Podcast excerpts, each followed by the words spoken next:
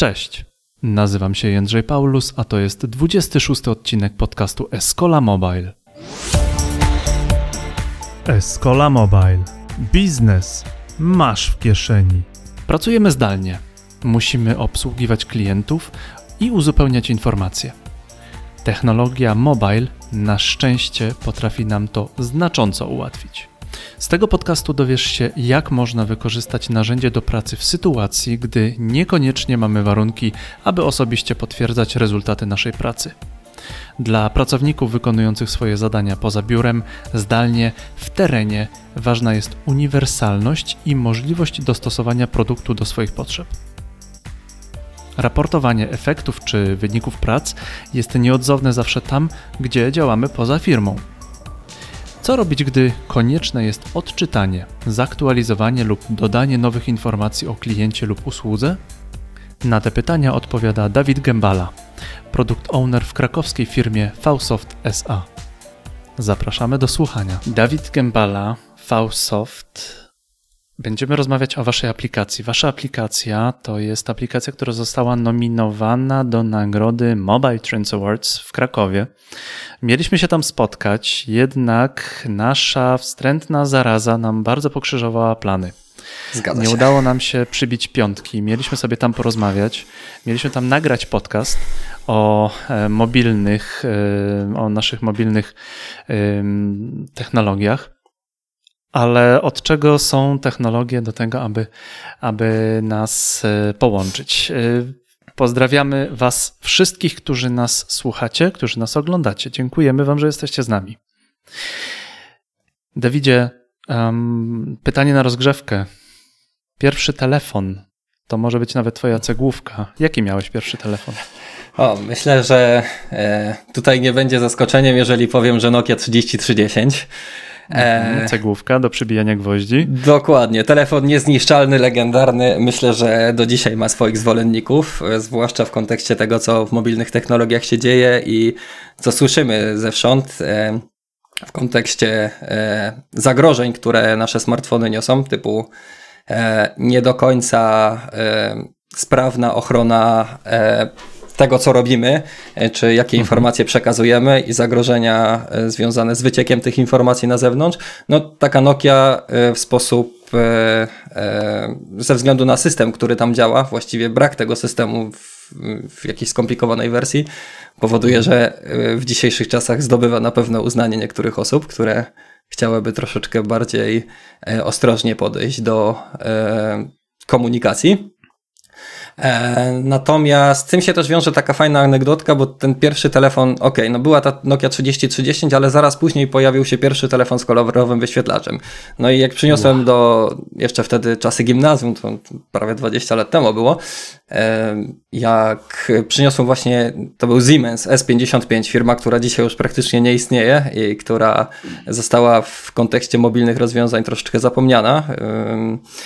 E, no, to był pierwszy telefon tak de facto y, w, w klasie na pewno, w szkole y, jeden z nielicznych, który miał kolorowy wyświetlacz, który miał możliwość wgrywania dzwonków AMR, więc de facto można było przy dobrej e, kompresji wrzucić tam kilka utworów muzycznych. No i najciekawsza funkcja to był ten dołączany aparat, nie wiem czy, kojarzysz.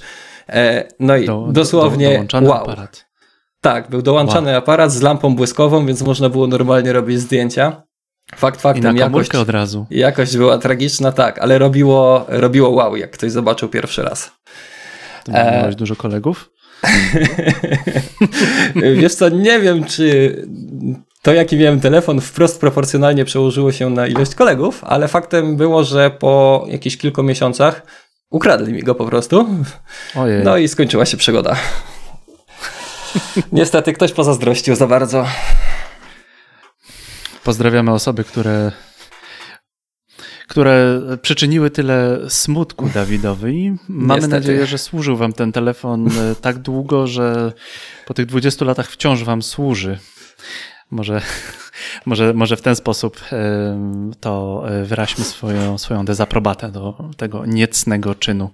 Słyszałem, że ta Nokia 3310 to była taka Nokia, którą jak nie wiem, jak, ty, jak ja ją raz naładowałem, to ona się tak ze dwa tygodnie trzymała. No może nie za dwa tygodnie, ale dobrych 10 dni. No chyba, że grałeś ostro w twojego Snake'a. węża. No tak, tak, tak. O, cudo. Tak, to natomiast, natomiast e, chyba, jeżeli dobrze pamiętam, 6310 była takim Mhm. telefonem biznesowym, który de facto potrafił nawet i dwa, dwa i pół tygodnia wytrzymać na baterii. No i biorąc pod uwagę dzisiejsze smartfony i możliwości tych smartfonów i baterii w tych smartfonach, no to mamy niezły przeskok. E, No tak, tak. I z żalem możemy tylko powspominać te czasy, kiedy ładowarkę podłączało się raz na dwa tygodnie. Kiedyś, kiedyś to było nie to, co Tera. Ale Tera ma Ale teraz nie jest źle. Tera nie jest źle, tera, tera jest ciekawie. Rozmawiamy w czasie, gdy mamy lockdown w Polsce, gdy my jesteśmy zamknięci, gdy jesteśmy, gdy ograniczamy nasze, e, nasze spotkania. Możemy bardzo dużo tych spotkań odbywać online. Musimy również w jakikolwiek sposób starać się utrzymać nasze biznesy. I to będzie chyba temat naszej, ogólnie naszej rozmowy. Tak, podcasterzy piją wodę niegazowaną. Wasze zdrowie, drodzy słuchacze. Zdrówko. Słyszałem, że tak jeszcze odbiegając lekko od tematu, słyszałem, że umiesz nagrywać, że mikrofon, do którego mówisz, to wcale nie jest przypadek. Mm, Wiesz co? Że- Plotki, Aha. pomówienia. Dobrze. Dobrze. No to przejdźmy w takim razie do twojej, do tego ekosystemu, do aplikacji. Jak, jak to można określić? Całą aplikację. Co co, jest... Mm, Jak- Faust jak- jak Mobile Workforce e, to nie jest tylko aplikacja na urządzenie Mhm. mobilne, ale kryje się za tym cały system, e, który mm, wspomaga pracę osób, e, które zawodowo zajmują się mm, jakąś pracą w terenie, jakimś wykonywaniem działań bezpośrednio w kontakcie z klientami na zewnątrz, poza firmą.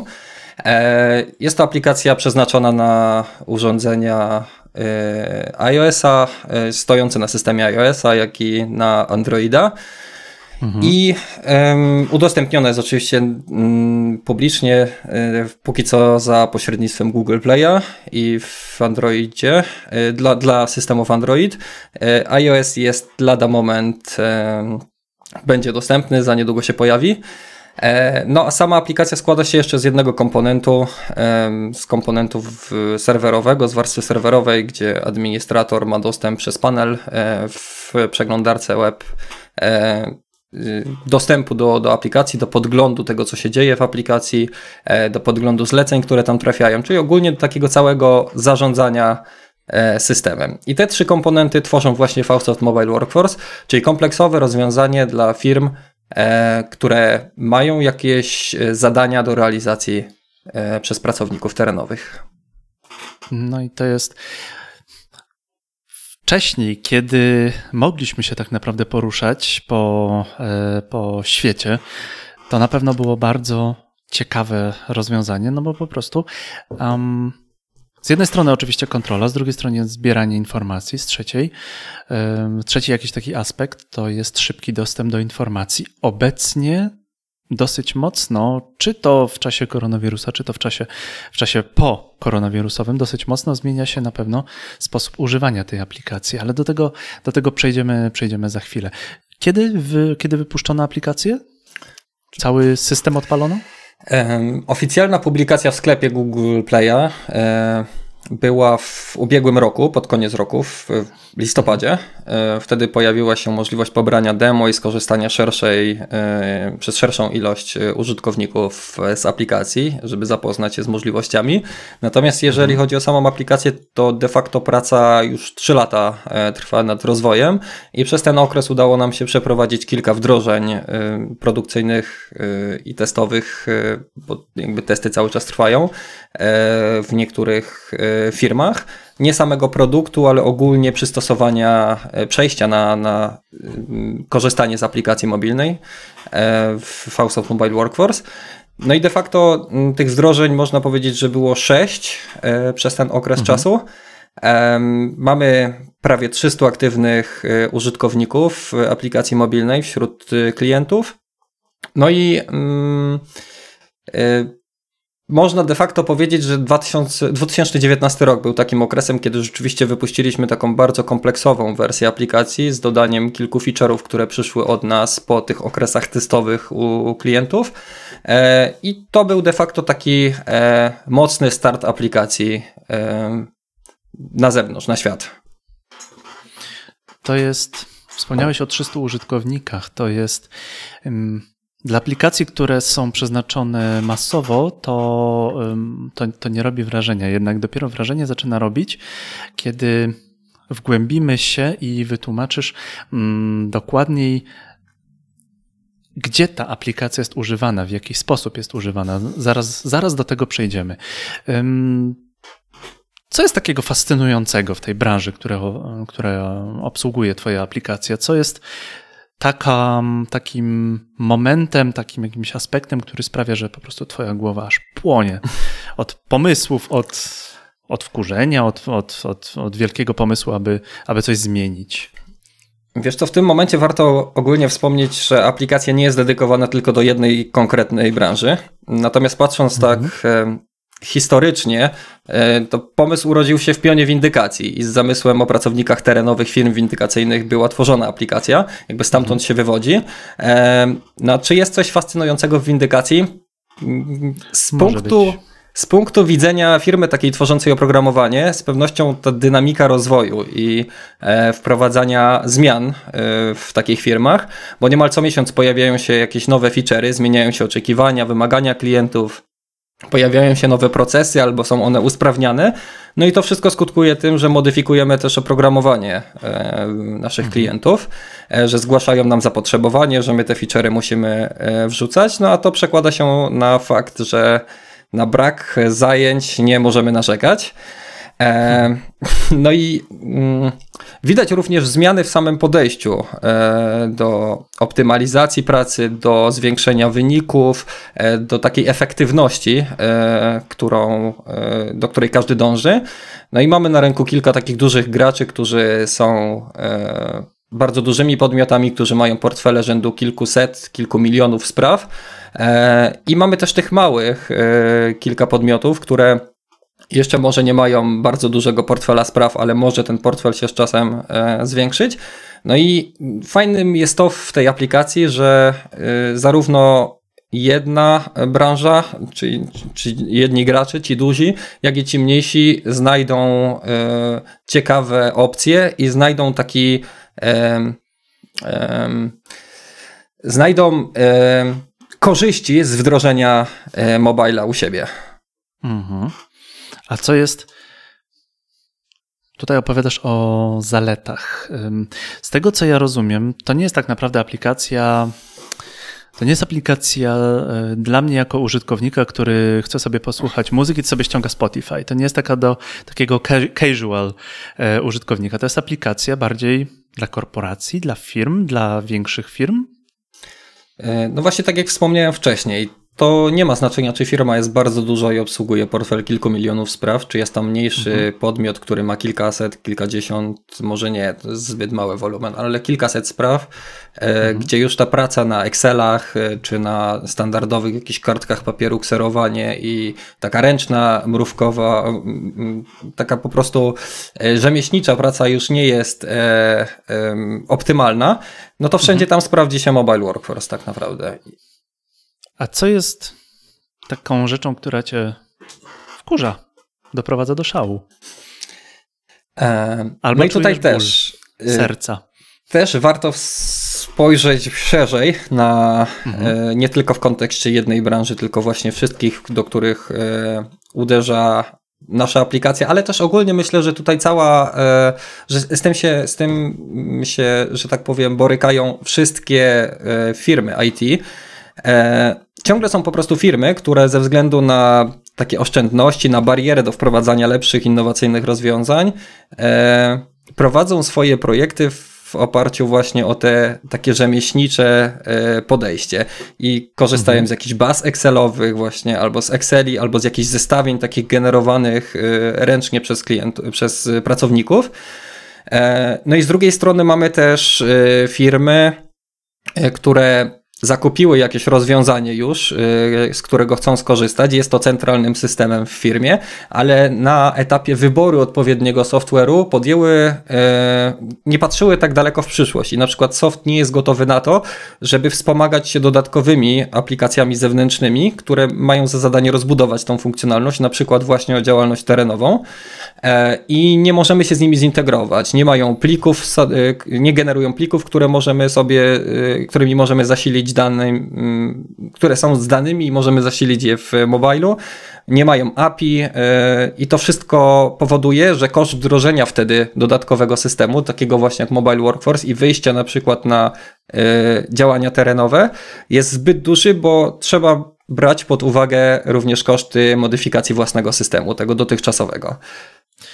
To jest jednocześnie w takim razie koszt, problematyczny koszt wdrożenia i jest opór materii, jest e, czasami opór, e, niechęć zmiany, brak chęci, brak otwartej, nie wiem, brak chęci zmiany? Wiesz to, wydaje mi się, że to jest troszeczkę taki brak... Yy chęci, zrozumienia i chęci do, do rozmów, żeby zobaczyć w jakich aspektach może taka, takie mobilne rozwiązanie pomóc, żeby usprawnić działania firmy, żeby to, mimo że początkowo ponosimy jakiś koszt wdrożenia, to żeby w ostatecznym rozrachunku wyjść na plus, zwiększyć y, zasób klientów, zwiększyć ilość przetwarzanych spraw, e, zwiększyć ilość wizyt terenowych, no i oczywiście w ślad za tym przychody i zyski. Mhm, mhm to co można było zrobić patrząc na genezę aplikacji? Zacznijmy od, e, od, od, od samego pomysłu, a, a skończmy na tym, co można, pod, co można było zrobić lepiej. Przejdźmy po prostu do, do, do genezy powstania całego ekosystemu, który, który stworzyła firma Fausoft. Geneza, e, tutaj najlepszym określeniem genezy powstania aplikacji jest potrzeba matką wynalazków. Każdy powiedzenie Aha. zna i nie inaczej jest tak naprawdę w tym przypadku, bo pojawiło się zapotrzebowanie na e, stworzenie aplikacji do obsługi zleceń przez e, pracowników, którzy wykonują działania w terenie. Były to, było to biuro windykacji jednego z dużych polskich banków i pomyśleliśmy, że to może być całkiem fajny pomysł do zrobienia nie tylko aplikacji na potrzeby tegoż banku, ale też do zrobienia w ogóle produktu i wyjścia szerzej na rynek, aniżeli e, w kontekście jednego klienta. E, no i tym sposobem po kilku miesiącach prac e, nad analizą rozwiązania powstała koncepcja Fausoft Mobile Workforce i początkowo była to E, aplikacja, która spełniała założenia branży windykacyjnej, po to też została stworzona e, i oferowała wszystko, co jest potrzebne dla takiego pracownika wykonującego działania e, windykacyjne w terenie. Natomiast dziś mamy już bardzo zaawansowaną aplikację. Dodaliśmy bardzo dużo nowych funkcji wspomagających pracę, takich jak optymalizacja trasy przejazdu, obsługa wpłat gotówkowych przez pracowników i tym samym wraz ze wzrostem tej funkcjonalności aplikacji z pojawiającymi się nowymi featureami, e, spowodowaliśmy, że aplikacja nie jest już tylko kierowana do branży windykacyjnej, ale jest możliwość e, rozszerzenia działań i sprawdzenia się w ubezpieczeniach, w kredytach, pożyczkach, ale również ankieterzy, jak wszędzie tam, gdzie są lidy sprzedażowe na przykład, czy też jakieś e, odbiory techniczne, budowlane, sanitarne. Także jak widzisz, ten zakres branż, do których możemy kierować swoją ofertę i w których mobile się sprawdzi, jest bardzo duży.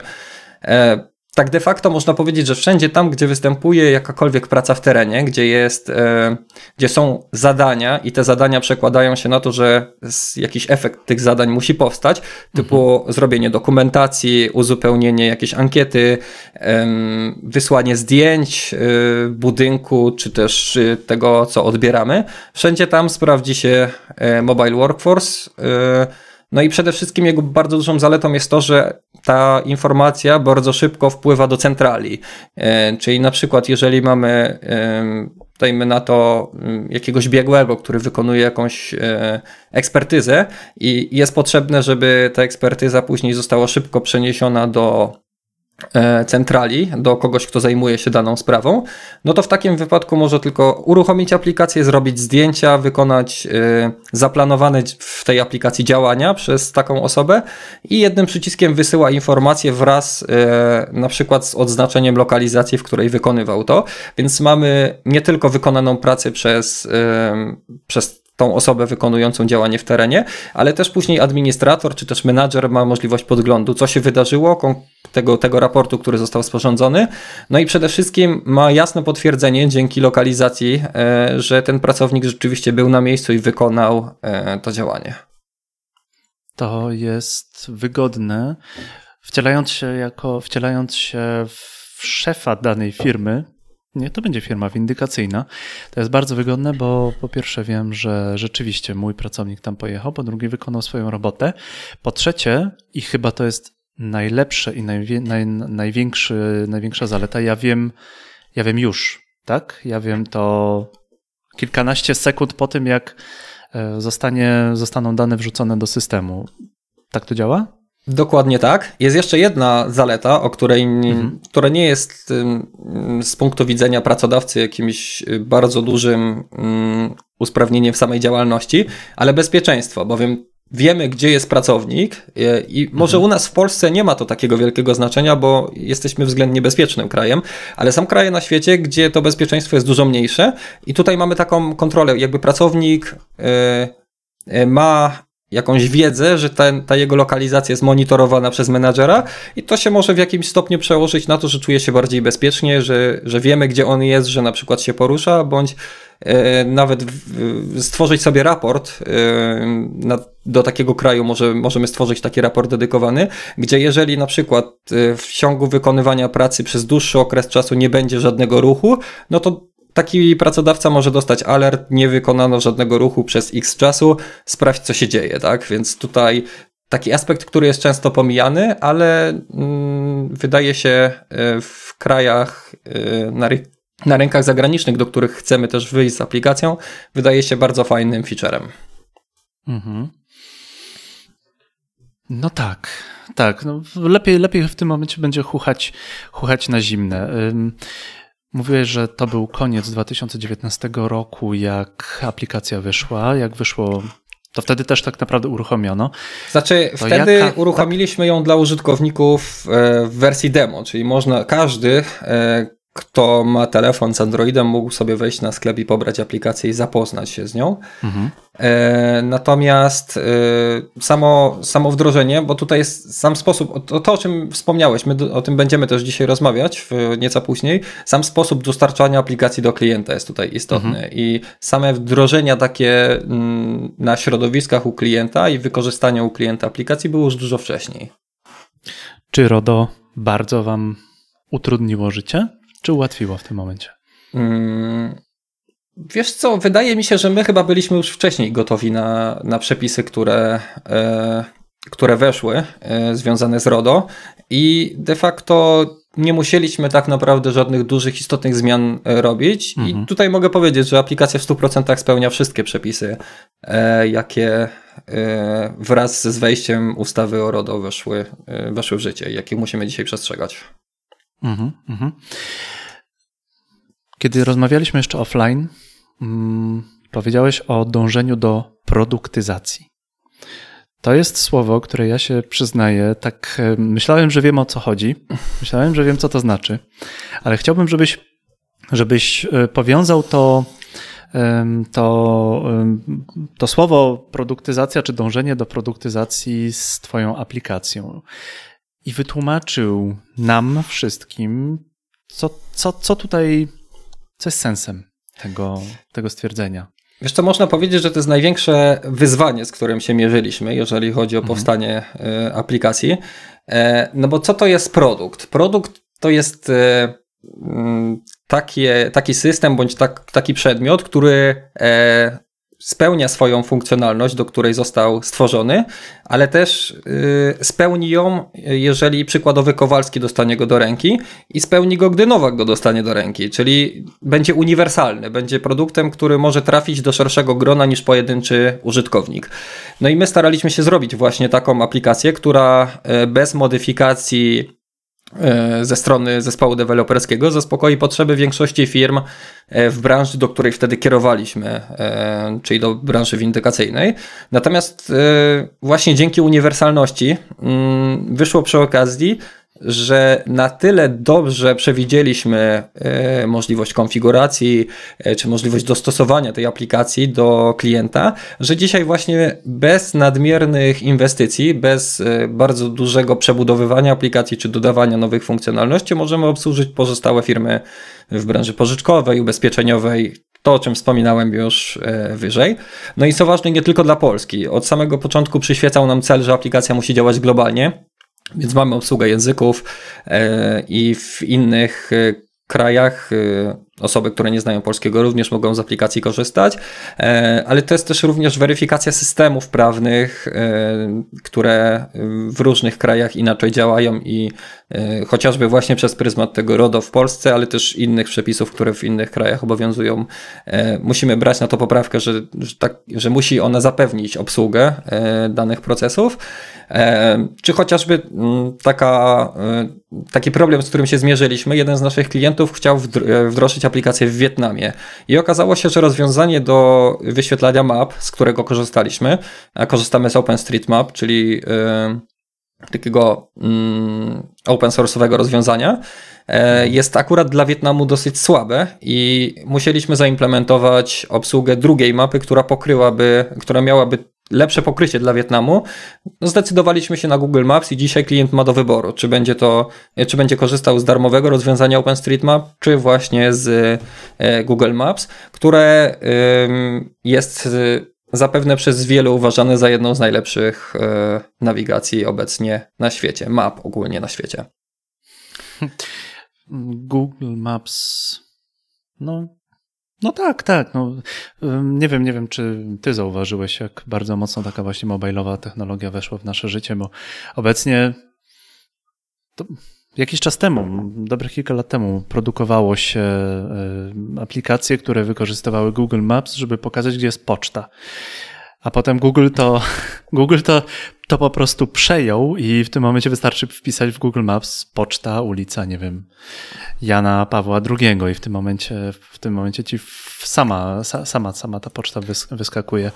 Wiesz co, ja, ja uważam ogólnie, tak? E, że jeżeli chodzi o tych gigantów w branży, e, jak Apple mhm. czy jak e, Google, to to nie jest też tak, że oni wszystko sami wymyślili. To, co dzisiaj mamy, to jest właśnie wytwór e, ich twórczości, ich pomysłowości, tylko bardzo często oni podkradają te pomysły, z których ktoś już wcześniej korzystał, tylko no tak. skala, w której oni je wdrażają, powoduje, że my mówimy wielkie wow, a de facto ktoś inny jest pod spodem.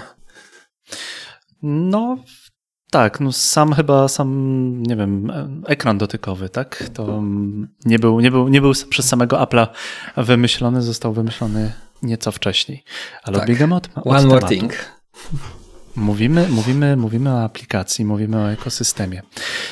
Przed tym, jak jeszcze porozmawiamy o sposobie mm, tworzenia tej aplikacji, o tych wielkich odkryciach, które pojawiły się podczas, podczas tworzenia. Ja chciałbym zadać takie pytanie, to mówisz, że to jest, mm, to, to wychodzi taka branża finansowa, taki styk, styk branży finansowej i, i trochę prawniczej.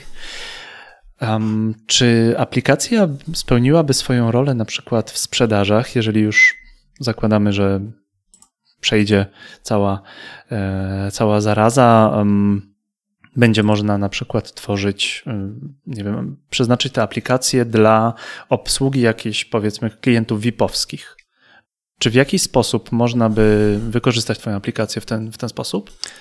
E, jak najbardziej. De facto mm, aplikacja jest, y, powoduje, że, znaczy sam, sam proces obsługi aplikacji to jest przekazanie mhm. zadania do konkretnego użytkownika, który w tym przypadku jest użytkownikiem y, aplikacji mobilnej. Y, I ten użytkownik otrzymuje na powiadomienie na telefon, na przykład mhm. wykonaj kontakt do takiej osoby, dostaje wszystkie szczegółowe informacje na temat tego, czego ma dotyczyć kontakt, dane osobowe, jeżeli są wymagane. E, I po przeprowadzeniu takiego kontaktu wysyła rezultat e, co się wydarzyło, jakie działania przeprowadził, jakie informacje udało się zebrać i ewentualnie co dalej z tym kontaktem zrobić. I teraz w zależności od tego mamy na przykład centralny system w firmie, który odbiera te informacje z takiego raportu i w tym raporcie było zadane pytanie, jeżeli jest zainteresowany ofertą yy, dajmy na to jakiegoś kredytu albo jakąś inwestycyjną, to podejmij dalsze kroki. I te dalsze kroki zdefiniowane w y, procesie będą realizowane po otrzymaniu tej informacji z aplikacji mobilnej. Więc tutaj tak naprawdę po w ślad za tym, że pójdzie sam lead sprzedażowy i podjęte zostaną działania, to można tak naprawdę cały proces ułożyć, który będzie kontynuowany później automatycznie przez system i kolejne działania będą się e, tworzyły na podstawie tego, co z tego raportu wyniknie i z tej wizyty e, przeprowadzonej. Więc tak, jak najbardziej do sprzedaży również jest Czyli możliwe. Mi jako prezesowi jednocześnie mogę, jeżeli wyślę swoich ludzi e, do klientów, to w tym momencie oni tak samo mogą mi raportować, mogą mi mogą się ze mną skontaktować w jakiś sposób? Czy jest jakaś na przykład biblioteka, z której można korzystać, albo, albo jakiś zestaw informacji, z których można korzystać, albo nie wiem, profile hmm. klientów, e, osób, do których, z którymi należy się skontaktować? E, tak, wiesz co, y, aplikacja obsługuje coś takiego jak typ zadania, które mhm. które się zleca. I te typy zadań są wcześniej tworzone przez administratora czy przez menadżera i następnie do tych typów zadań podpinane są konkretne, są konkretne zlecenia, które powinny mhm. być realizowane.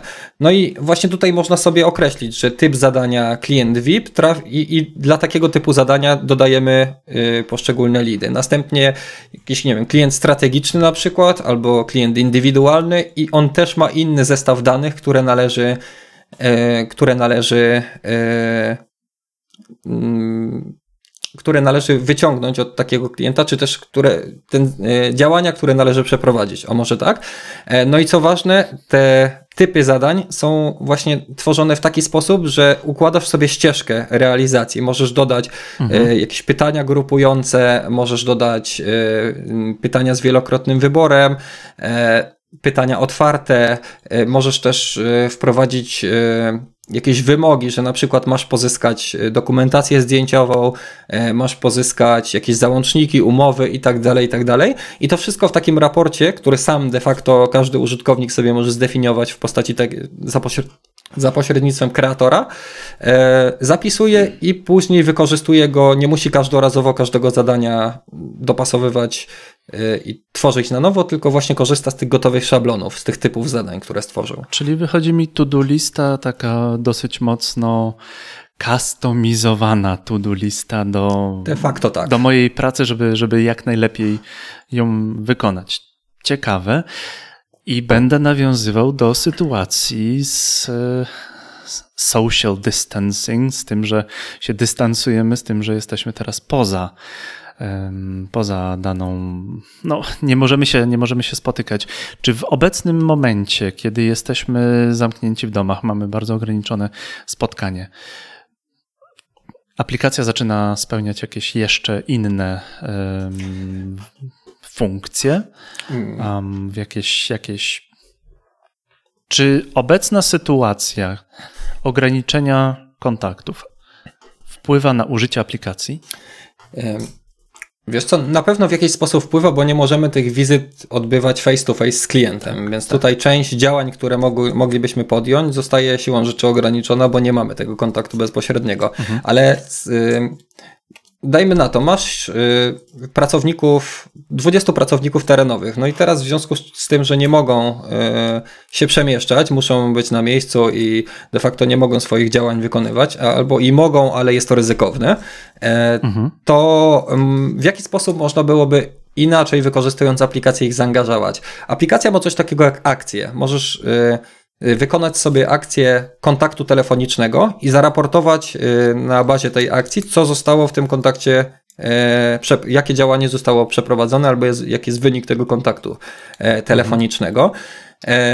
I ja myślę, że właśnie kontakt telefoniczny, czy tam nawet jakieś spotkania właśnie z wykorzystaniem technologii internetowej komunikacji, typu Skype, Facebook, e, Messenger i tak dalej, i tak dalej. I tutaj możemy jak najbardziej korzystać z takich dróg, dróg kontaktu i próbować z naszymi kli potencjalnymi klientami właśnie w ten sposób się komunikować.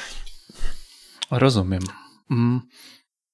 Przejdźmy do, mm, do największych odkryć, jakie, jakie zdarzyły się podczas e, całego biznesowego tworzenia aplikacji. Mówimy tutaj o, o z jednej strony o programowaniu, ale zróbmy też e, nacisk czy jakiś taki akcent na, na te wielkie rzeczy, które się wyjaśniły podczas tworzenia produktu.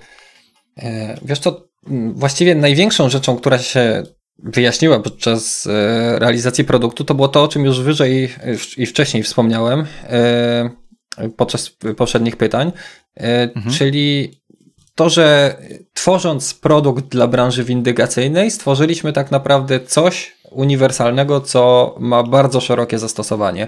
I nie kierujemy tego produktu tylko w dla jednej konkretnej, dla jednego konkretnego celu, tylko właśnie e, dla wielu i tak naprawdę mhm. to, że jest możliwość kustomizacji, kustomizacji w tej funkcjonalności wpływa na to, że każdy może e, wykorzystać w jakiś sposób aplikację. No i też zauważyliśmy jedną e, fajną rzecz, która też nie jest taka oczywista od samego początku i często tworząc software popełnia się te błędy to jest e, robienie bardzo dużych funkcjonalności i wdrażanie ich jako jedna paczka e, do klienta. I my mhm. uważamy, że to nie jest dobre podejście. Jakby mm, cały proces wytwarzania aplikacji skupiliśmy, przebudowaliśmy i obecnie korzystamy z, z, ze zwinnego podejścia do realizacji projektu. I w związku z czym mm, też y, robimy sobie spotkania zespołowe i pojawiają się jakieś nowe e, funkcjonalności, które fajnie by było wdrożyć. Ktoś gdzieś coś zauważył, ktoś e, e, z jakiejś innej aplikacji korzystał i wydało mu się, że to może być fajne też u nas i chciałby to przełożyć.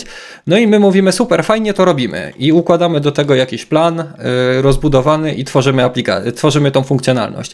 No i okazuje się, że lepiej nie przygotowywać takiego kompleksowego rozwiązania i budować bardzo dużej funkcjonalności, tylko spróbować wypuścić mały feature, który spełni przynajmniej w jakiejś korowej funkcjonalności e, początkowe założenie e, i następnie zbierać feedback od klienta i dobudowywać to, to, co przygotowaliśmy, dobudowywać do tego jakieś właśnie zebrane od klienta funkcjonalności które mają wspomóc tą, mm, tą przygotowaną przez nas. I dlaczego o tym mówię? Bo y, była, są sytuacje, kiedy przy, przygotowujemy sobie daną funkcjonalność, bardzo dużą, ona trafia do klienta, bo słyszeliśmy, że klient chciałby taką funkcjonalność otrzymać. My, nie mając mhm. wszystkich informacji i nie mając e, rozeznania, jak dokładnie wygląda proces w tej firmie, przygotowujemy rozwiązanie, bo tak wydaje nam się, że może być dobrze, to trafia do klienta i okazuje się, że słuchajcie, ale my to robimy inaczej. My 10 lat to robiliśmy inaczej, e, mamy takie i takie problemy, i następnie e, jakby wdrożenie tego spowoduje, że my tych problemów nie przeskoczymy, że to fajnie działa w idealnym świecie, ale idealnego świata nie mamy dzisiaj i musimy sobie jakoś radzić. I teraz, mając wcześniej tą informację i budując niewielką funkcjonalność, nie musimy wyrzucić tego, co zrobiliśmy do kosza i poświęconego czasu, tylko y, mając y, skonkretyzowane potrzeby, dobudowujemy do tej y, funkcjonalności właśnie to, co klient potrzebuje, oszczędzając czas, oszczędzając środki, e, no i przede wszystkim mm, trafiając w punkt do klienta. No i dodatkowa zaleta tego rozwiązania jest taka, że ta mała funkcjonalność, którą dostarczyliśmy, on najczęściej klient może już z niej skorzystać, bo ona jakiś tylko mały proces wspomaga, a resztę, mimo że musimy robić jeszcze po staremu, to jednak mimo wszystko mamy ten proces już w jakimś stopniu usprawniony. A tutaj dodając mhm. cały feature kompleksowo, może się okazać, że napracowaliśmy się, a nie spełnimy oczekiwań. A, to jest, to jest taka standardowe, standardowy błąd, dosyć częsty błąd w tworzeniu jednej dużej aplikacji. A tutaj, tutaj wychodzi, że z klocków można coś e, pododawać po, po kawałeczku i e, jednocześnie chyba ilość testów może się może się zwiększyć, czyli, czyli jeśli robimy dużo testów, no trochę, trochę idealistycznie pomyśl, ale robiąc dużo testów możemy również dostosować dany produkt do wymogów klienta i to tak już niemal jest szycie na, na miarę, dobrze myślę? E, tak, ale cały czas mamy z tyłu głowy, że to jest produkt i musi spełnić wymagania też pozostałych tak. klientów, więc i tu się, tu się przydaje nasze podejście do realizacji tego produktu, bo to nie jest taki typowy produkt, gdzie my coś sobie wymyślimy, robimy i dostarczamy do klienta, tylko mhm. my bardzo mocno współpracujemy z klientem i słuchamy tego klienta i chcemy, żeby klienci poczuli yy, że oni też mają wpływ na to, w jaki sposób, że, że ta aplikacja jest rozwijana pod nich i oni mają właśnie, czują się związani z tą aplikacją, że to, co im się podoba, albo to, co im, wręcz to, co im się nie podoba yy, i powiedzą o tym, to my staramy się w jakiś sposób naprawić i dostarczyć, żeby spełniało ich wymagania. Yy, I nawet jeżeli widzimy potem, jakby dostajemy feedback od klienta, że chciałby jakąś funkcjonalność, to zanim my ją przygotujemy, to staramy się też z innymi klientami skonsultować, czy nie chcieliby czegoś jeszcze do tej funkcjonalności i czy przy dostosowaniu jej do ich potrzeb zaspokoimy y, wszystkich tak naprawdę, czyli jednych i drugich. E, bo ideą produktu jest to, że każdy feature, który jest zgłoszony przez klienta, każdy feature jest dodawany do aplikacji i de facto, mm, mimo że jest zgłoszony przez jednego klienta, otrzymuje go każdy. Więc musi być na tyle mhm. uniwersalny, żeby każdy też mógł z niego skorzystać. I wychodzi to trochę jak we Władcy Pierścieni, nie? Jeden, żeby wszystkimi rządzić. Jeden produkt dla wielu osób, jeden, no, one, one, one to rule all. Coś takiego było chyba. Jeden, jeden, jedna magiczna aplikacja, którą można dostosować do kilku innych. Mamy pytanie dosyć e, takie konkretne pytanie od y, Mirosława, od jednego, jednego z naszych słuchaczy, o prywatnym, o używaniu takiej aplikacji na prywatnym urządzeniu. Mhm. Jak to się. Jak, co, co sądzisz o użyciu um, Twojej aplikacji na prywatnym urządzeniu, zwłaszcza w kontekście, w kontekście RODO? Jak to, jak to, czy to jest jakkolwiek rozwiązane, czy to jest rozwiązanie wewnątrz firm? które obsługujecie? Wiesz co, są dwa podejścia. E, są firmy, mhm. I co ciekawe, bardzo dziękujemy Mirku za pytanie. Było, e, chciałem o tym wspomnieć na dalszym etapie, gdzie będziemy rozmawiać o bezpieczeństwie, ale możemy już teraz mhm. e, wspomnieć. E, w mojej opinii są właśnie dwa podejścia do e, rozwiązań bezpieczeństwa w firmach. Jedna firma zabrania całkowicie korzystania z prywatnych urządzeń, daje e, firmowe, które mają skonfigurowanego VPN-a, które są odpowiednio zabezpieczone e, i które de facto często nie mają też dostępu e, do sklepów, tylko informacje pobierają i aplikacje pobierają z wewnętrznych e, e, sklepów, dostarcza, mhm. jakby dedykowanych dla danej firmy i z paczkami dla tej firmy. E, natomiast są też firmy, które korzystają e, z urządzeń pracownika i e, czasami, znaczy często są to firmy, które nie korzystają, nie mają swoich pracowników, tylko na przykład korzystają z rynkowych rozwiązań, czy bądź z pracowników oferujących swoją pracę gdzieś ogólnie, jako na zasadzie współpracy, ale jakby rozwiązanie muszą też temu pracownikowi dostarczyć. I w takich e, przypadkach y, tutaj akurat Android fajnie rozwiązał sytuację, e, bo bodajże od wersji 8 Androida jest coś e, takiego jak możliwość podziału przestrzeni wewnątrz urządzenia, co prawda nie każde urządzenie jeszcze to wspiera, ale jest możliwość podziału pamięci na pamięć dla aplikacji firmowych, dla takiej przestrzeni firmowej i przestrzeni prywatnej. I wtedy to jest odpowiednio zabezpieczone przez system, jest separacja danych i y, jest to na tyle bezpieczne, że przynajmniej w teorii, na tych markach zaufanych y, urządzeń, które są od lat z nami na rynku, nie powinno być sytuacji, kiedy jedna przestrzeń ma dostęp do drugiej, a tą drugą z kolei możemy zabezpieczyć hasłem, to jest zaszyfrowane, więc jakby dostać się do tej przestrzeni bez znajomości tego hasła jest bardzo ciężko, mm, bądź wręcz jest to niemożliwe. I w takich sytuacjach my też to polecamy, bowiem aplikacja jest dedykowana na, również na najnowsze wersje Androida, w tym dziesiątkę, już niedługo jedenastkę. I takie rozwiązanie skutecznie separuje dane i powoduje, że mamy całkowicie e, bezpieczny, e, bezpieczną komunikację na linii telefon pracownika, e, a firma.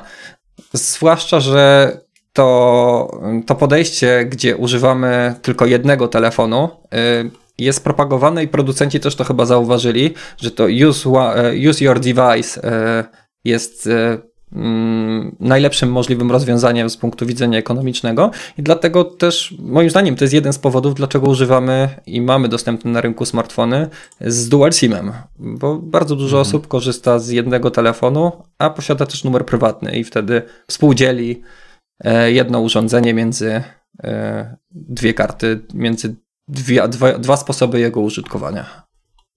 Pociągnijmy jeszcze trochę ten aspekt e, techniczny. Pytanie mamy od, też od Justyny o wysyłaniu zadań do aplikacji z różnych systemów.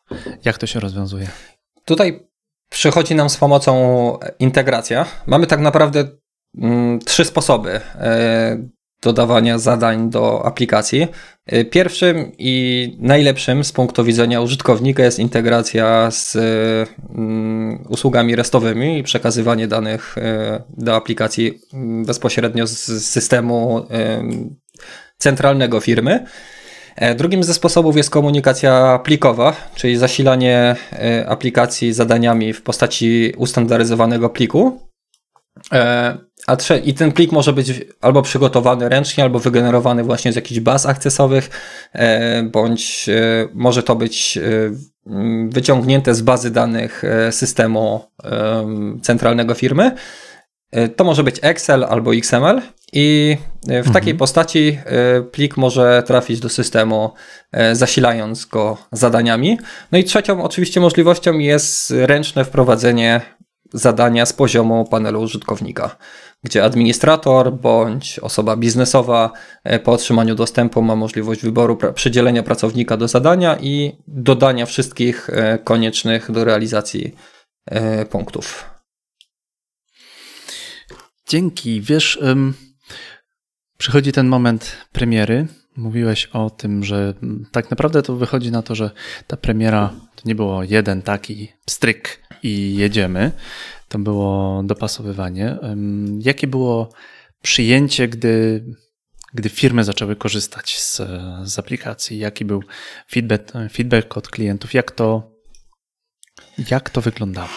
E, Wiesz co, to nie możemy powiedzieć, że to była premiera de facto, bo jakby udostępniliśmy aplikację i mm, ona była wdrażana u poszczególnych klientów. Ci klienci po zap- zapoznaniu się z systemem kupowali rozwiązanie i następnie to rozwiązanie było wdrażane na, na ich serwery, e, do ich e, de facto e, podmiotu.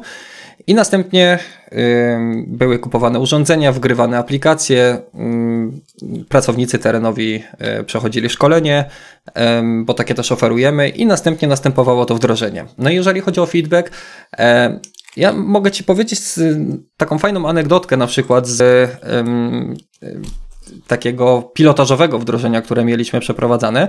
Dostaliśmy y, możliwość y, przeprowadzenia pilotażu z osobami, które em, już zakończyły swu, swoją pracę, czyli były w wieku emerytalnym i już y, były pracownikami spoczynku, ale miały doświadczenie w prowadzeniu działań windykacyjnych, tylko właśnie tymi standardowymi metodami. I co się okazało, że y, mogłoby się wydawać, że te rozwiązania mobilne, y, urządzenia mobilne są i aplikacje są dedykowane dla osób młodych, zaawansowanych technologicznie, a tu się okazało, że te właśnie starsze osoby wykazały bardzo duże zaangażowanie i taką chęć pokonania tej bariery systemowej. No i okazało się, że równie e, dobrze radziły sobie z aplikacją jak te młode osoby i po przeprowadzeniu szkolenia, po wdrożeniu do rozwiązania, po tak naprawdę spędzeniu z nim e, chwili czasu i zapoznaniu się, były w stanie sprawnie realizować działania. No i to tak nas podbudowało.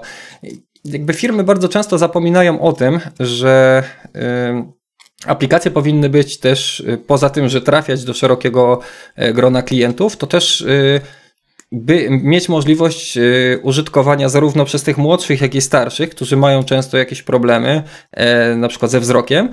I na przykład design kładą ponad uniwersalność rozwiązania i ponad taką, taki user experience, żeby, y, żeby mm, user friendly, przepraszam, być w stanie mm, dostosować aplikację do działania zarówno przez właśnie e, takie osoby zaawansowane, jak i te mniej zaawansowane. I tutaj y, na przykład Android czy iOS rozwiązały problem tak, że systemowo e, udostępniają możliwość zwiększania czcionki, zwiększania w ogóle elementów e, na y, interfejsie użytkownika, natomiast aplikacja musi być do tego gotowa i są dwa, dwa rozwiązania. Albo właśnie jest zaimplementowana tak, że umożliwia wpływ na wewnętrzny design y, przez te rozwiązania systemowe, albo jeżeli jest na to nieprzygotowana, to przynajmniej Podczas projektowania zadbano o to, żeby te przyciski były właściwie rozmieszczone, żeby łatwo było na nie kliknąć e, nawet dużymi palcami, e, czy też właśnie, żeby to czytelność była na odpowiednim poziomie. Mamy dwa podejścia. My mm, preferujemy to drugie, głównie ze względu na ilość danych, która jest e, w aplikacji i dostosowanie jej do E, komunikacji z tymi systemowymi rozwiązaniami, wspieranie tych systemowych rozwiązań jest e, w niektórych przypadkach dosyć ciężkie, zwłaszcza, że korzystamy też z e, takich autorskich rozwiązań, które no, ciężko nam jest je dostosować do tego, żeby wspierały te systemowe rozwiązania. One nie są takie same w każdym z urządzeń, a de facto aplikacja działa od Androida 5 do dziesiątki. Więc Mm, to może być problematyczne. Dlatego też zdecydowaliśmy się na to drugie rozwiązanie, które jest nieco łatwiejsze do implementacji, ale też skuteczne i przy projektowaniu aplikacji zwracamy na to uwagę, żeby była przyjazna y, dla wszystkich. Wspominałeś też, że, że nie ograniczacie się do Polski. Um, powiedz, jakie macie plany na rozwój aplikacji? Um, tak, nie ograniczamy się co do Polski i plany mm, można podzielić na dwa strumienie. Pierwszy to jest rozwiązania mhm. funkcjonalne i rozbudowa aplikacji, dostosowywanie, dodawanie nowych e, feature'ów, a druga to są właśnie te plany związane z mm, wejściem na nowe rynki. E, może zacznę od rynków. E, w mhm. najbliższym i do tego, jak tam chcemy wejść. E, uruchomiliśmy sprzedaż międzynarodową i mm, szukamy potencjalnie zainteresowane firmy do wdrożenia w, na rynkach zagranicznych, nie tylko w Europie, bo uderzamy też na wschód bardziej i, i tam też szukamy potencjalnych klientów. A taką, takim featurem, który ma nam w tym pomóc, jest e, świadczenie, e, znaczy dostosowanie aplikacji do świadczenia us jako usługa, de facto, udostępniania tego jako usługa e, w modelu SaaS, gdzie dostarczamy rozwiązanie w modelu subskrypcji płatnej i klient de facto loguje się na y, panel webowy, y, wykupuje subskrypcję, pobiera sobie aplikację i niczym się nie przejmuje. Ściąga ją na telefon, instaluje i już działa. Jest skonfigurowane i w takim modelu y, upatrujemy przyszłość działania aplikacji i do tego będziemy dążyć. To jest tak naprawdę jeden z naszych głównych celów do osiągnięcia pod koniec 2020 roku, czyli wyjście z tym, z tym modelem, nowym modelem sprzedaży. E, natomiast jeżeli chodzi o funkcjonalności, to mamy w sumie dwa takie e, ciekawe feature'y, które w najbliższym czasie się powinny pojawić i e, nieco usprawnić działanie. Pierwszym jest optymalizacja trasy, czyli możliwość definiowania przez użytkownika zadań na dany dzień. Mhm. I system na bazie e, lokalizacji tych działań i na bazie trasy, którą trzeba pokonać, wybierze najbardziej optymalny wariant, e, czyli najkrótszą trasę przejazdu i ułoży zadania w kolejności e, w kalendarzu tak, jak powinny być realizowane, uwzględniając również czasy przejazdu pomiędzy poszczególnymi punktami. I w ten sposób użytkownik nie traci czasu na to, żeby wybierać sobie lokalizację, nie musi znać też e, topografii miasta e, czy województwa, żeby określić, które zadanie powinien zrealizować pierwsze, a które nie, e, a które później, bo robi to de facto system za niego. Drugim z takich fajnych feature'ów, które mm, stosunkowo niedawno się pojawiły w naszych, się pojawiły w naszych głowach, a który jest bardzo ciekawy i pewnie niedługo zawita do aplikacji, to jest takie rozwiązanie, które mm, nosi dumną nazwę economy sharing. Czyli tutaj najłatwiej chyba porównać to do rozwiązań Ubera, gdzie mamy kierowcę, e, mamy zleceniodawcę, czyli firmę Uber i mamy klienta. I teraz zleceniodawca przekazuje dostaje od klienta żądanie, że chce coś dostać i następnie kierowca pobiera to żądanie i realizuje usługę. I tutaj w tym samym modelu możemy obsługiwać na przykład lidy sprzedażowe, gdzie wrzucamy mhm. do jednego e, centralnego miejsca e, lidy. One są na bazie na jakichś e, algorytmów weryfikowane. Na przykład wyliczana jest odległość pracownika do danego punktu, który ma odwiedzić. I na przykład system zweryfikuje, że trzech pracowników ma w tym momencie najbliżej i do nich wysyła to zlecenie. I teraz ta osoba, która podejmie e, zlecenie, ma za zadanie je zrealizować, pozostali pracownicy czekają na kolejne, które się pojawią. Czyli mamy taki model zleceń dynamicznych, które się pojawiają i które można pobierać. E, jaki widzimy w tym potencjał? Pomyśl sobie na przykład, że masz firmę, która nie jest dużą firmą, ma kilkanaście, kilkadziesiąt zleceń w tygodniu i utrzymywanie pracownika nie jest dla niej opłacalne, tym bardziej jeżeli świadczy usługi w całej Polsce. Natomiast po drugiej stronie mamy y, osoby, które świadczą takie usługi zawodowo, na przykład jakieś agencje i właśnie do nich za pośrednictwem mobila trafia takie zlecenie i ta agencja podejmuje działania, czyli ty masz zdecydowanie niższe koszty obsługi, bo płacisz tylko, rozliczasz się od jakiejś prowizji na przykład za takiego, za podjęcie takiego lida i za realizację. A oni też są, ta, z kolei druga strona też jest zadowolona, bo ma pracę, bo dostaje jakieś nowe zlecenia, bo ma kompleksowe rozwiązanie, które dostarcza komplet informacji, które przekazuje to do centrali, czyli mamy możliwość zbudowania takich, takiej sieci właśnie zewnętrznych podmiotów, które będą świadczyły usługi dla więcej niż jednej firmy. Mhm. Z tego, co opowiadałeś, chciałbym zadać takie, takie pytanie związane z, no tak naprawdę z windykacją. Mówiłeś o tym, że e, można, że aplikacja może wybierać, czy, czy, czy może teraz, czy będzie wybierać najkrótszą drogę, a czy czy ja mogę sobie na przykład wyłączyć śledzenie w aplikacji? E, tak. E... Wiem, jestem świadomy tych, tych konsekwencji, które to może mieć na samo działanie aplikacji, ale czy ja mogę z jakichś powodów mogę sobie chcieć wyłączyć to śledzenie? Czy mogę tak, to zrobić? Jest możliwość, aby w ustawieniach wyłączyć e, śledzenie pokonanej drogi i na przykład mhm. zgłaszanie tylko, że było się w danym miejscu, czyli od, niejako mhm. odbijanie mhm. karty, powiedzmy, takiej wirtualnej. Tak, Byłem tak. tutaj. Tak. I następnie znowu jest to, nie, nie ma tego śledzenia, ale jakby pracodawca, czy też y, dyrektor, mm, osoba zarządzająca widzi, że rzeczywiście pracownik w danej lokalizacji był. Oczywiście nie jest to obowiązkowe. Zdarzają się sytuacje, kiedy GPS nie działa, bo jesteśmy gdzieś w piwnicy na przykład, akurat jakieś specyficzne mhm. działania w piwnicy mamy do zrealizowania.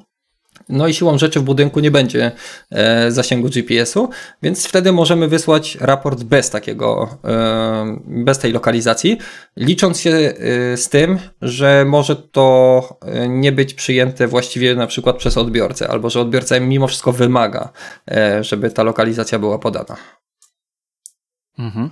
A czy mogę sobie w aplikacji samej grupować zadania, typu tam windykacyjne, sprzedażowe, w ten, w ten sposób mogę sobie, mm, jeżeli nie wiem, wykonuję dwie, trzy funkcje w danej, w danej firmie. Możesz to robić po typie zadania, bo typ definiuje, Aha. E, z jakim zadaniem mamy do czynienia. Y, natomiast takie podstawowe filtrowanie, które jest dostępne w aplikacji mm, już z samego menu, to jest y, podział na te mhm. zrealizowane, na oczekujące, na niezrealizowane, czyli jakby jasno pokazywać, co jest jeszcze do zrobienia albo co zostało już zrobione. Natomiast w samym wejściu w zadania, y, które są do realizacji, można po typie zdefiniować, z jakim zadaniem mamy do czynienia i żeby tylko takie zadania pokazać. Rozumiem. Porozmawiajmy jeszcze chwilę o technikaliach. To jest też rzecz, która mnie interesuje. Ja bym chciał, żebyś trochę opisał technologię samej aplikacji. My rozmawialiśmy mocno o aspekcie biznesowym. Powiedz trochę o aspekcie technicznym danej aplikacji. Mm. Aplikacja składa się z, sama warstwa serwerowa składa się z kilku komponentów. E, są to e, dwa API. Jedno służące do komunikacji z urządzeniami mobilnymi, drugie do komunikacji z zewnętrznymi systemami, czyli tymi, które zasilają aplikację. E, do tego mamy warstwę frontendu, czyli wyświetlania danych dla administratora i tego całego panelu zarządzającego. No i na końcu przychodzi nam baza danych. Jeżeli chodzi o sam, samo środowisko, na którym działamy, to mamy tutaj możliwość wyboru, mhm. czy, będzie to, czy będą to rozwiązania Microsoftu i baza MS SQL, czy będzie to całkowicie darmowe rozwiązanie, nie wymagające licencji w postaci rozwiązań na Linuxa i e, z mhm. bazą Postgres. Więc w tym przypadku sama, sam proces instalacji ogranicza się do zakupu serwera i e, możemy z tego bez żadnych dodatkowych kosztów e, skorzystać, możemy zainstalować aplikację. Dodatkowo, jeżeli sam, o sam proces aplikacji chodzi, to na dzisiaj mamy już e, aplikację skonteneryzowaną, e, używamy do tego Dockera i Dzięki temu możemy w bardzo łatwy sposób e, to środowisko postawić u klienta, pobiera sobie e, z naszego repozytorium obrazy dockerowe i następnie uruchamia je na swoim środowisku. To też otwarło nam możliwość na instalację e, aplikacji na systemie w standardowy sposób z wykorzystaniem skryptów instalacyjnych, bądź na przykład w usługach chmurowych Azura czy AWS-a, gdzie po załadowaniu obrazów dockerowych tak naprawdę wszystko dzieje się samo i mamy postawione środowisko. E, więc to jest, ten proces instalacji został maksymalnie usprawniony. No i oczywiście na końcu mamy e, aplikację mobilną dostępną na Androida i na iOS-a. Na Androida jest już oficjalnie w sklepie, natomiast jeżeli chodzi o iOS-a, to lada moment powinna się pojawić w App Store. E, jesteśmy w procesie autoryzacji aplikacji przez Apple.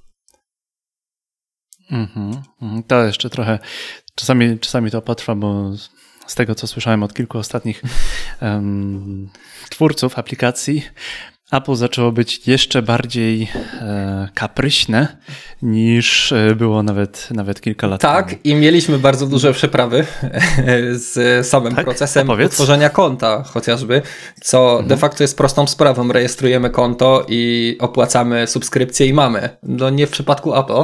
E, zakładaliśmy, żeby cię nie skłamać, chyba cały proces komunikacji z Applem od momentu, kiedy zarejestrowaliśmy konto do momentu, kiedy subskrypcję nam e, uruchomili, trwał chyba około trzech miesięcy.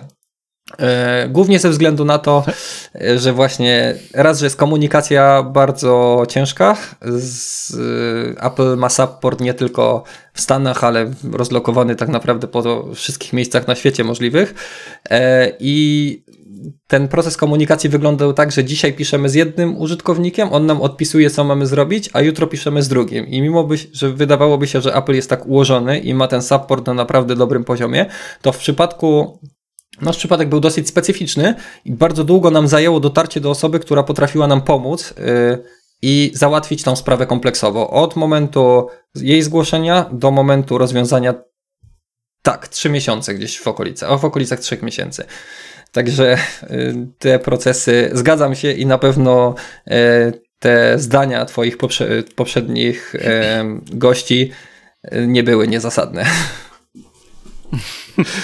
Możemy e, powiedzieć e, głośno i wyraźnie na mikrofonów, że Apple nie jest obecnie ogarnięte, ponieważ już za jakiś czas, e, już teraz to się dzieje, ale za jakiś czas będzie to powszechne. Wszystkie podcasty będą transkrybowane automatycznie przez Google. Może, może to w jakiś sposób wtedy dojdzie do Apple'a.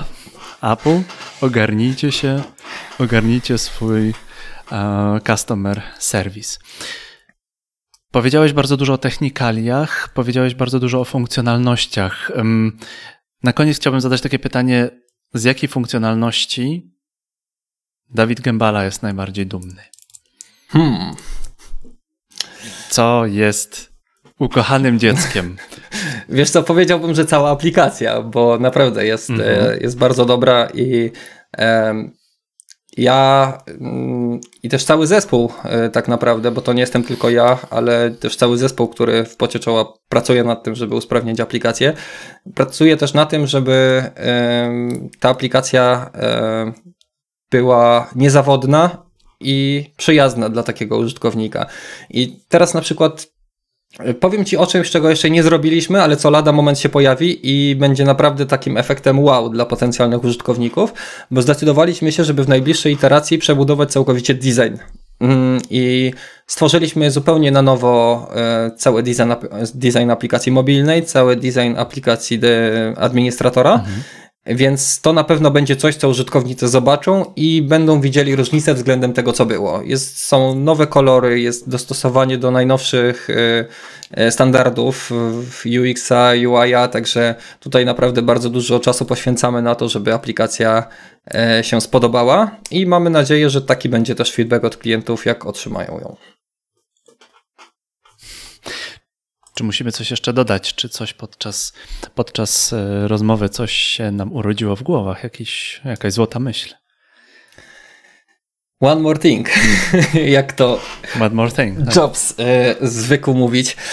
E, no właśnie, tak to ja, nawiązuje. Ja myślę, że tutaj najlepszym podsumowaniem będzie e, skierowanie przez y, oglądających nas bądź słuchających w późniejszym czasie na podcaście e, skierowanie na stronę e, Fausoft Mobile Workforce, gdzie ma, jest możliwość zapoznania się. Ta strona też jest e, czymś nowym, uruchomiliśmy ją w tym roku, na początku tego roku, więc jest mhm. zupełnie świeża i za pośrednictwem, pośrednictwem tej strony można trafić na formularz demo, ściągnąć aplikację, skorzystać i dla nas na pewno bardzo cennym będzie feedback od klientów, czy udało się przejść przez ten proces rejestracji, czy było to proste, e, czy może coś by zmienili w ogóle w samym procesie komunikacji z e, klientem, więc to na pewno. A jeżeli ktoś byłby zainteresowany szerszym poznaniem możliwości, no to zapraszamy do działu sprzedaży. E, Asia, odpowiedzialna za produkt mobila, jeżeli chodzi o komunikację z klientem, na pewno bardzo kompleksowo i dobrze się e, zajmie.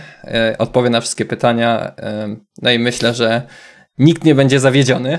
Zresztą ty, Jędrzej, też miałeś okazję bardzo dużo z Asią konwersować, więc Miałem. wiesz jak jest. Miałem, e, miałem przemiłą okazję porozmawiać, e, porozmawiać z Asią, bo udało mi się być na, e, na Mobile Trends Awards w Krakowie. Mogę polecić. Jest to osoba niezwykle, niezwykle fajna, niezwykle kompetentna, niezwykle ogarnięta. Tutaj będziemy, Asię będziemy chwalić, bo dlaczego, dlaczego nie chwalić fajnych, fajnych ludzi? Dawidzie, bardzo Ci dziękuję. Bardzo dziękujemy Wam, że byliście z nami. Bardzo dziękujemy, że nas posłuchaliście.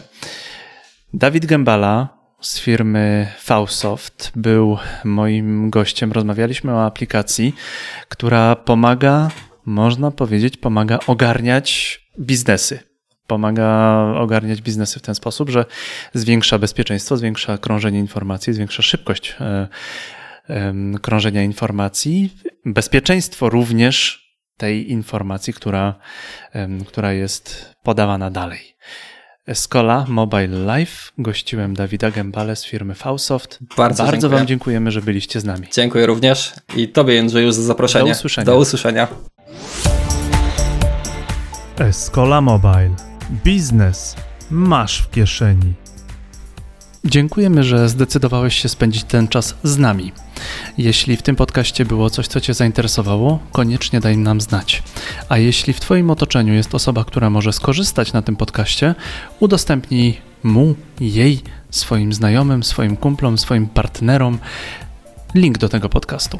Możesz to zrobić na Facebooku, Twitterze, LinkedInie. Możesz na przykład oznaczyć nas na tych social mediach i zadać nam pytanie. Będziemy bardzo wdzięczni za każdy komentarz, również za ten negatywny. Każdy komentarz pozwala nam lepiej tworzyć kontent dla Ciebie i znajdować coraz to ciekawszych gości. To był kolejny 26 odcinek podcastu Escola Mobile Biznes masz w kieszeni. Gościłem Dawida Gębale z firmy Fausoft. Jędrzej Paulus, dzięki.